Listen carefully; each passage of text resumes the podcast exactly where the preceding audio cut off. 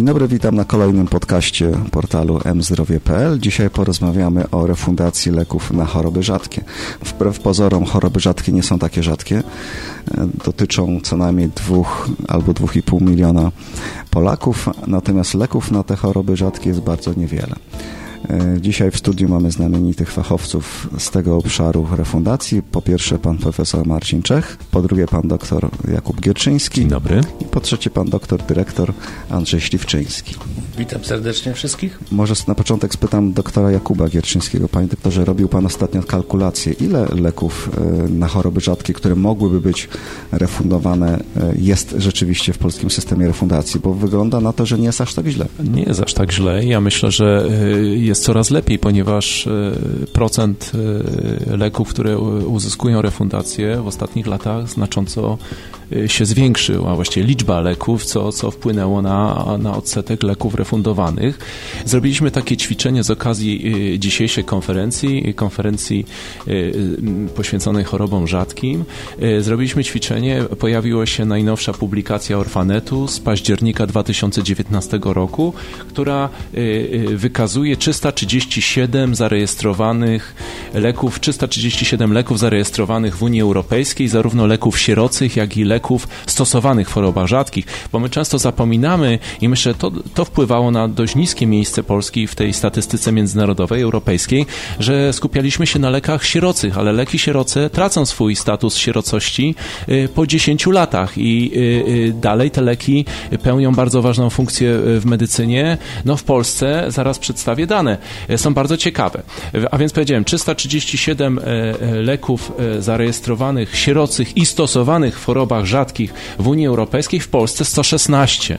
E, refundowanych, czyli 34%. E, w kategorii leków sierocych, leków sierocych mamy w Unii Europejskiej zarejestrowanych obecnie na październik 2019 roku 106. W Polsce mamy refundowanych, opieraliśmy się tu na obwieszczeniu ministra zdrowia z, z 1 listopada 2019, 21 leków, a więc 20%. Natomiast e, stosowanych leków w chorobach rzadkich zarejestrowano w Unii 231, z czego w Polsce refundowanych jest 95 a więc no, około 41%. Y, I to, co też y, bardzo wyraźnie pokazuje, jak w Polsce refundowane są te leki, aż 70% leków y, sierocych i leków stosowanych w chorobach rzadkich jest refundowanych w ramach programów lekowych Narodowego Funduszu Zdrowia. No właśnie, Narodowy Fundusz Zdrowia refunduje, jak się okazuje, co trzeci lek. To jest dobrze, czy jest źle? No bo dlaczego, ta, dlaczego tak mało i dzięki dzięki czemu tak dużo, bo to można bardzo różno interpretować dane. Panie dyrektorze, z punktu widzenia NFZ-u. Proszę Państwa, ja może zacznę troszeczkę przewrotnie, mianowicie lek to nie wszystko. Mamy ponad 8 tysięcy chorób rzadkich. Bardzo niewielka liczba z tych chorób w ogóle ma technologie lekowe dostępne czy wymyślone. Narodowy Fundusz Zdrowia finansuje leki zgodnie z tym, co do finansowania wskazał minister zdrowia, ale również w przypadku chorób rzadkich finansujemy leki w takich obszarach, których, o których się nie mówi. Przykładem jest refundacja otwarta, gdzie finansujemy leki chociażby fenyloketonurii czy akromegalii, o czym się zapomina, że to są też choroby rzadkie Przykładem jest y, finansowanie czynnika krzepnięcia w przypadku hemofilii. W związku z tym te obszary, które nie są chorobami rzadkimi w takim popularnym czy też medialnym ujęciu e, w świadomości, również są finansowane. E, także tutaj, panie redaktorze, ja bym odpowiedział tak. Choroba rzadka choroba i leki środce. To za każdym razem jest osobny przypadek, osobne analizy możliwości objęcia finansowaniem. To się wykonuje za pośrednictwem AOTM-u, Komisji Ekonomicznej. Decyzję podejmuje minister zdrowia. E, Narodowy Fundusz Zdrowia finansuje te rzeczy. Jest ich 30%, ponad 30% w stosunku w ogóle do tego, co w świecie istnieje. W związku z tym ja uważam, że e, jest to bardzo dobry wynik jak na nasze warunki. Natomiast oprócz tego my finansujemy również terapię objawową w tym momencie dla tych wszystkich, którzy nie mają dla siebie wyznaczonego leku. No tak, bo koszt leku to jest tylko część To jest część. Terapii, Mówię tutaj 8 tysięcy chorób rzadkich. I tak dalej. Niewielka część z tych chorób w ogóle ma y, leki opracowane. Po prostu nie istnieje. A my jednak oferujemy y, świadczenia zdrowotne dla tych osób, dla których tego leku nie ma. W związku z tym globalnie to troszkę obraz jest troszeczkę inny. E, rozszerzając ten e, krąg tego, co my finansujemy jako Narodowy Fundusz Zdrowia, o to, co nie jest lekiem, jest dużo szerszy. Natomiast oczywiście tak należy e, pracować nad tym, aby wyznaczyć wytyczne, czy też sposób postępowania z chorobami rzadkimi i szczególnie sposób postępowania w przypadku objęcia, potrzeby objęcia finansowaniem leków środczych, no ale to również zespół pod przewodnictwem pana ministra Czecha e, wziął na tapetę i pracował nad tym, więc myślę, że to jest rzecz, która e, jak jest w trakcie, to pewnie niedługo się e, okaże i upubliczni. No właśnie, bo w polityce lekowej oczywiście za, zapisane są sformułowania, że leki w tych chorobach powinny być traktowane i oceniane według innych kryteriów, a nie tylko według e, kryterium QUALI, ponieważ to kryterium nie do końca pasuje. Tam jest zaproponowana e, analiza wielokryterialna. Panie profesorze, czy są jakieś kraje na świecie, które już taką metodę oceny leków w chorobach rzadkich stosują i jakie są z tego efekty pozytywne dla pacjentów, mam nadzieję? Analiza wielokryterialna jest w ogóle e, taką metodą, która pomaga podejmować decyzje e, i nie stosowana jest tylko w zdrowiu, stosowana jest też w innych e, działach gospodarki. Ona bardzo sprawdza się na przykład w ekologii, e, gdzie jest stosowana na większą skalę w e, różnych projektach zarządczych, e, również w zdrowiu, ale nie tylko w decyzjach refundacyjnych, w szpitalnictwie na przykład w niektórych krajach europejskich. Elementy tej analizy wielokryterialnej są w rumuńskim systemie, w węgierskim systemie, by pozostać jak gdyby w naszym kręgu Europy, Europy Środkowej. E, natomiast myślę, że to, co powiedział pan doktor Gierczyński e, i pan dyrektor, wymaga jeszcze dodatkowego komentarza. Mianowicie nie dość, że e, choroby rzadkie należy traktować kompleksowo i nie dość, że dla wielu nie mamy dedykowanej terapii, a leczymy tych chorych i farmakologicznie, i postępowaniem pozafarmakologicznym, szeroko rozumianym, na przykład rehabilitacją, to jeszcze trzeba sobie jasno powiedzieć, powiedzieć, że y, nawet wśród tych leków, które mogą być stosowane w chorobach rzadkich, nie wszystkie mają zadowalającą efektywność. E, a co za tym idzie, e, nie są finansowane przez systemy ochrony zdrowia nawet bardzo bogatych krajów. Tutaj rozmawialiśmy z panem e, doktorem Gierczyńskim, że w drugim etapie znakomitego badania, które dzisiaj zaprezentował, bo jest to takie całościowe i kompleksowe spojrzenie na liczbę e, leków stosowanych w chorobach rzadkich e, w stosunku do, do standardu pewnego wypracowanego, z którym nikt nie dyskutuje. No i do możliwości po prostu, czy takie leki w ogóle istnieją, tak? tak, i, i, no mamy po prostu konkretną listę i pan, pan doktor odniósł się do tej bardzo konkretnej europejskiej, jak gdyby listy leków, które są w ogóle dostępne. Natomiast my spojrzymy jeszcze dalej, popatrzymy, jak bogate kraje, które mają dużo wyższy poziom finansowania, ile z tych leków one finansują w własnym systemie i, i, i w jakim zakresie. I wydaje się, że wtedy jakby to miejsce Polski, czy ten procent leków, te 40 kilka, które wskazał 34, yy, 34 ale 40, 34% tak, ale 41 jeśli chodzi o te stosowane 41 yy, no to ten, yy, ta liczba powinna się jeszcze zwiększyć. A, a jeszcze można yy, tę analiza wielokryterialna. To na czym polega? Jakie to są kryteria? Dobrze.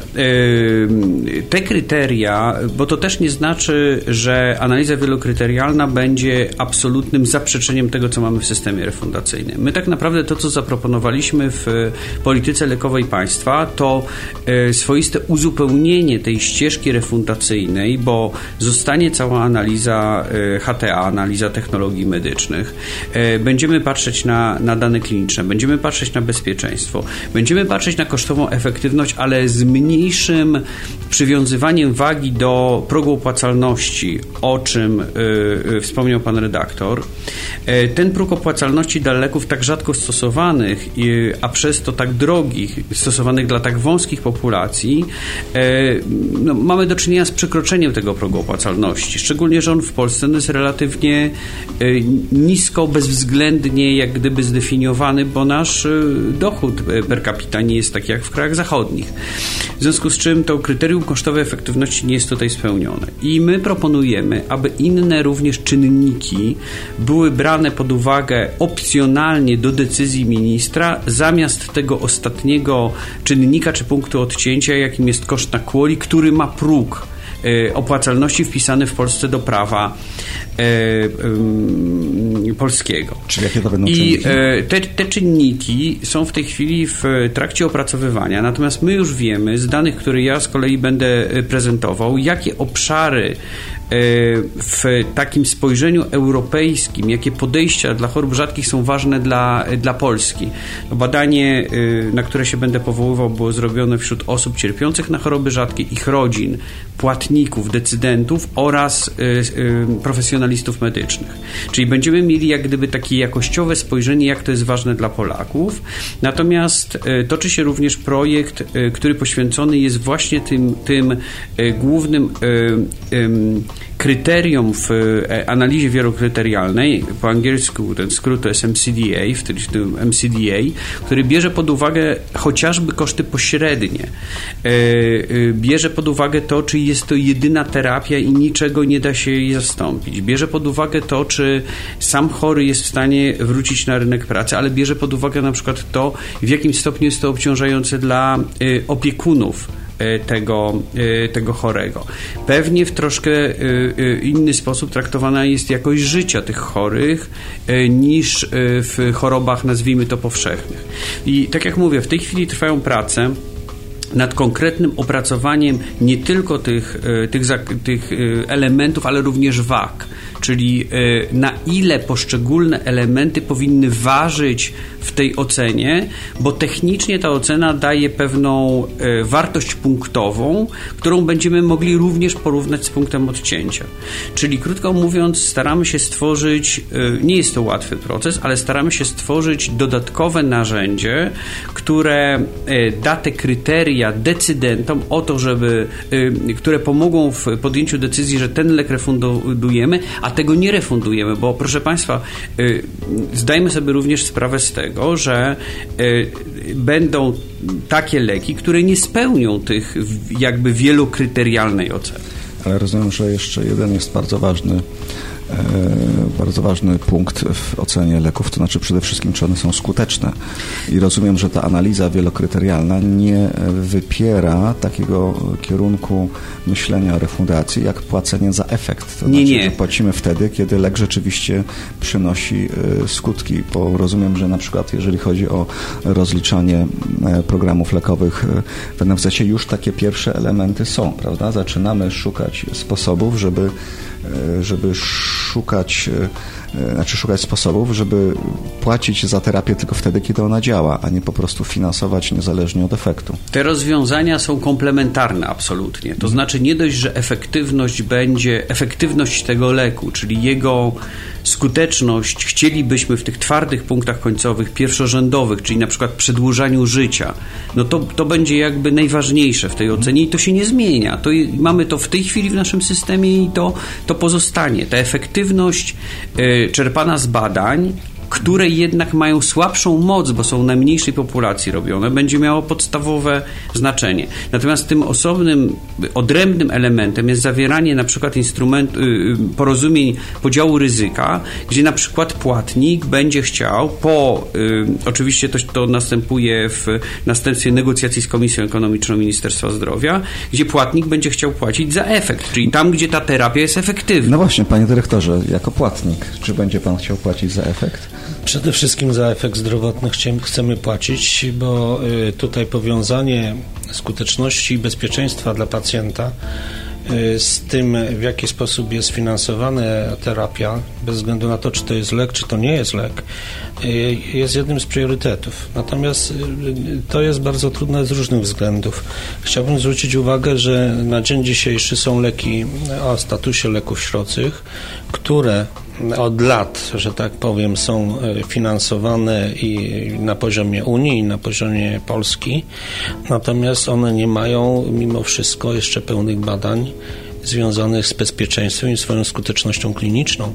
W związku z tym my tak cały czas na, na przy, y, w, obszarze leków środczych to mówimy o prawdopodobieństwie, że one są skuteczne i bezpieczne, a nie, nie mamy twardych dowodów naukowych.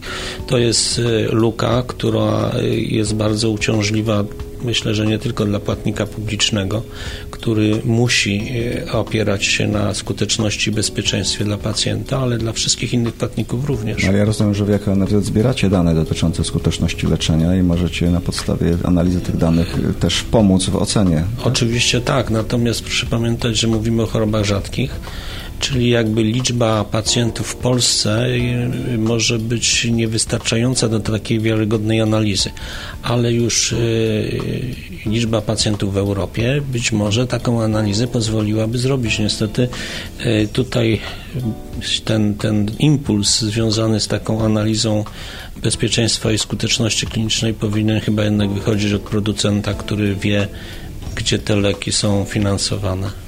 E, ja w, dwa tygodnie temu miałem przyjemność uczestniczyć w europejskim e, zjeździe e, chorób rzadkich, gdzie podejmowane były te kwestie i kwestie współpracy w Europie do tworzenia na przykład rejestrów, które obejmowałyby więcej krajów. Ja nie zgadzam to się tutaj z panem dyrektorem, że to, że to od producenta powinny, powinna wychodzić ta inicjatywa. Moim zdaniem ona powinna wychodzić od państw Unii Europejskiej i te rejestry rejestry w idealnych warunkach mogłyby na przykład uzupełniać pracę e, sieci referencyjnych i tych wiodących ośrodków, e, które zajmują się e, leczeniem. Myślę, że specjaliści medyczni, którzy by to prowadzili, umieliby zwrócić uwagę na te elementy, które są najważniejsze. Myślę, że po stronie Unii Europejskiej byłaby sprawa organizacyjna i sprawa jakiegoś sensownego finansowania no właśnie, takich, takich rejestrów, a one wtedy wtedy dostarczyłby nam tych informacji, o których chodzi i płatnikowi, i decydentowi, czyli Ministerstwu Zdrowia, kiedy podejmuje często decyzje, szczególnie w krajach Europy Zachodniej, na podstawie niepełnych danych, ja bądź myślę, słabych danych. Ja myślę, że jeżeli mówimy o finansowaniu, to w tym aspekcie niewątpliwie producenci powinni brać e, udział, prawda, panie dyrektorze? Tak. Znaczy, panie redaktorze, to e, jakby moja wypowiedź dotycząca impulsu ze strony producentów wynikała to z tego, że jest to właściciel tego leku i jakby badania kliniczne są związane związane z jego prawami właścicielskimi, autorskimi. Natomiast oczywiście jest potrzeba na, na poziomie całej Unii Europejskiej takiej organizacji, która prowadziłaby niekomercyjne obserwacje e, związane z tymi lekami, również w tym rejestry. I rzeczywiście tu zgadzam się całkowicie z panem profesorem, że ona powinna, że ta instytucja powinna jakby być komplementarna w stosunku do sieci ośrodków referencyjnych leczących choroby rzadkie. Znaczy, ja tu w pełni poprę i pana profesora, i pana docenta, ponieważ y, y, y, rola mierzenia y, efektu zdrowotnego powiązanego z efektem y, finansowym, a właściwie z inwestycją finansową, bo tu mówimy cały czas o inwestowaniu y, w chorych i w leczenie, jest kluczowa. I ja myślę, że to, co dzisiaj pani profesor Latos-Bieleńska podkreślała, że w tym skrócie RER to R, to, to drugie R powinno być odpowiedzialne odpowiedzialne za rejestry, to jest właśnie to, o czym wszyscy tu rozmawiamy, to znaczy real world data, real world evidence i rejestry nie tylko epidemiologiczne czy medyczne, ale również rejestry płatnika, to jest przyszłość. Szczególnie jak będziemy dyskutować o terapiach lekami stosowanych w chorobach rzadkich, lekami bardzo drogimi, takimi jak terapie genowe. To jest wyzwanie i na pewno pan profesor Czech coś nam więcej na ten temat powie, y, jak y, umawiać się z producentem i jak płacić mu w zależności od efektu zdrowotnego, gdy terapia na przykład będzie kosztowała 2 miliony dolarów, tak? Już się rozmawia o płaceniu za rok, czy jak y, i mierzeniu równolegle efektów zdrowotnych. Być może dojdziemy do takiej sytuacji, że będziemy w pewnym sensie leasingować terapię danym lekiem, żeby nie płacić z góry całej kwoty. No. To są wyzwania, do których nie mieliśmy jeszcze, nie mieliśmy w zakresie których doświadczenia, bo nie mieliśmy tak drogich terapii. Chociaż jednocześnie fundusz obecnie finansuje e, w ramach chorób ultrarzadkich pacjentów, którzy rocznie kosztują półtora, dwa, dwa i pół miliona złotych. I o tym się często nie mówi, a również powinniśmy o tym mówić, że my jako państwo finansujemy te terapie. E, ja w uzupełnieniu do tego, co e, powiedział pan e, dr Gierczyński, również jak gdyby tą informację przywożę z, z kongresu w Barcelonie chorób rzadkich. Terapia CAR-T, na którą tak bardzo liczymy, która wykazuje w badaniach tak niesłychaną skuteczność w stosunku do chemioterapii w białaczce, jest różnica 10% versus 87%. No to jest, proszę państwa, rewolucja. Ale pokazywane były wyniki badań, dotyczących nawrotów choroby. I jak już y, umieścimy to w perspektywie dłużej terminowej, tej takiej wieloletniej, to te nawroty następują częściej niż po przeszczepie szpiku. W związku z czym już widzimy, że y, rzeczywiście no, ten pierwszy rok, tak jak mamy to udowodnione w badaniach, to ok, natomiast potem już powinny być pewne instrumenty dzielenia ryzyka, żeby, żebyśmy mieli e, pewność, że ta terapia, która na pierwszy rzut oka się wydaje, że jest jednoczasowa, że jest to naprawa genomu, która zostanie już w tym pacjencie. No nic takiego e, e, jednak się nie dzieje. E, I to oczywiście są pierwsze takie badania, to wymaga potwierdzenia, wymaga dobrych badań i większych grup. Natomiast myślę, że to musimy śledzić, bo my się po prostu tego wszystkiego uczymy. Ja myślę, że z tego, co panowie mówicie, to jeszcze jest jeszcze jeden wątek, o który chcę spytać, mianowicie rysuje się taka trzecia droga w finansowaniu e, leczenia, bo pierwsza droga to jest to, co dzisiaj króluje, czyli płacenie za świadczenie, czyli za lek albo za wykonaną jakąś operację, zabieg. Drugie jest płacenie za efekt, ale trzecia metoda, która być może jest na horyzoncie, to jest płacenie za utrzymanie e, pacjenta w zdrowiu, czyli płacenie za rok terapii nad pacjentem i wtedy już ośrodek referencyjny decyduje, czy zabieg, czy lek, czy cokolwiek, ale być może wtedy fundusz podpisywałby umowy, czy też y, kontrakty, czy stosowały jakieś przetargi na utrzymanie pacjenta w zdrowiu, niezależnie od tego, jaką terapią i też efekty byłyby takie, że po prostu leczymy pacjenta. Bo nie, nie możemy za zdrowie. No właśnie, tak? nie możemy, nie, nie możemy liczyć za, za, to, że go wyleczymy, no bo tak. pewnych chorób nie wyleczymy, tak. prawda? To znaczy, pan redaktor powiedział no fundamentalną kwestię y, płacenie za zdrowie. No już nie powiem, że w historii w Chinach płaciło się lekarzowi za to, jak pacjent był zdrowy, a nie... Mój ulubiony przykład. Prawda? Ale to, co chcę powiedzieć, to jest to, co nazywamy teraz i pan y, profesor o tym też mówił, annuality e, payment, czyli to roczne płacenie. I to jest powiązanie mechanizmów finansowych z mechanizmami oceny skuteczności klinicznej, pomiaru efektu zdrowotnego. My się tego tak samo musimy w Polsce uczyć, jak będą się uczyć kraje e, zachodnie, zachodnie Niemcy, Francja, bo to jest, to jest w tej chwili y, w rozwoju.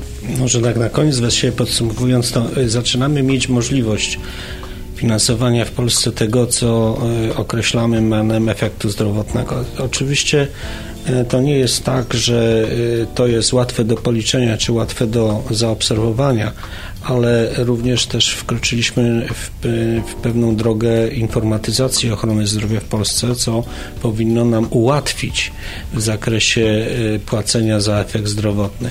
W związku z tym ja myślę, że jest to jedyne wyjście, które, które przed nami jaśnieje, natomiast y, my musimy pewnych rzeczy y, stworzyć, zaplanować i, i po prostu się ich nauczyć. To jeszcze tak na, na koniec jedno krótkie pytanie.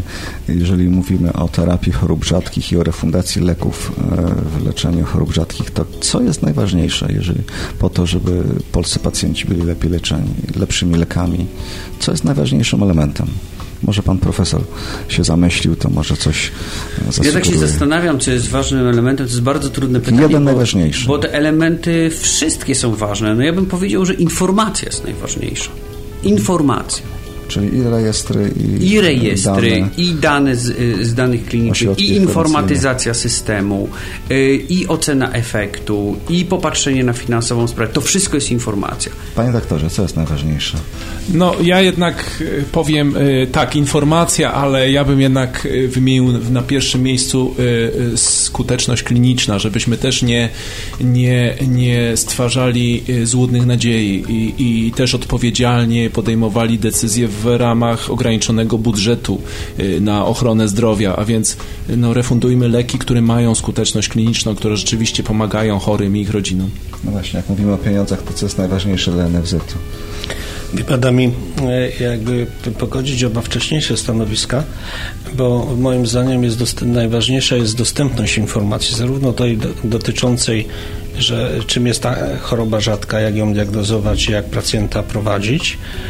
Niestety to nie zawsze jest na wszystkich poziomach, również i czy dla pacjenta, czy dla lekarzy dostępne, jak i również ta informacja o tym, jaki jest efekt zdrowotny i za co tak naprawdę płacimy. I to tak naprawdę przede wszystkim chodzi o efekty leczenia. Bardzo dziękuję panom za dzisiejsze spotkanie. Byli z nami pan dyrektor Andrzej Śliwczyński, Narodowy Fundusz Zdrowia, pan dr Jakub Gierczyński, Uczelnia Łazarskiego i pan profesor Marcin Czech, Instytut Matki i Dziecka. Dziękuję bardzo. Dziękuję bardzo. Dziękuję bardzo.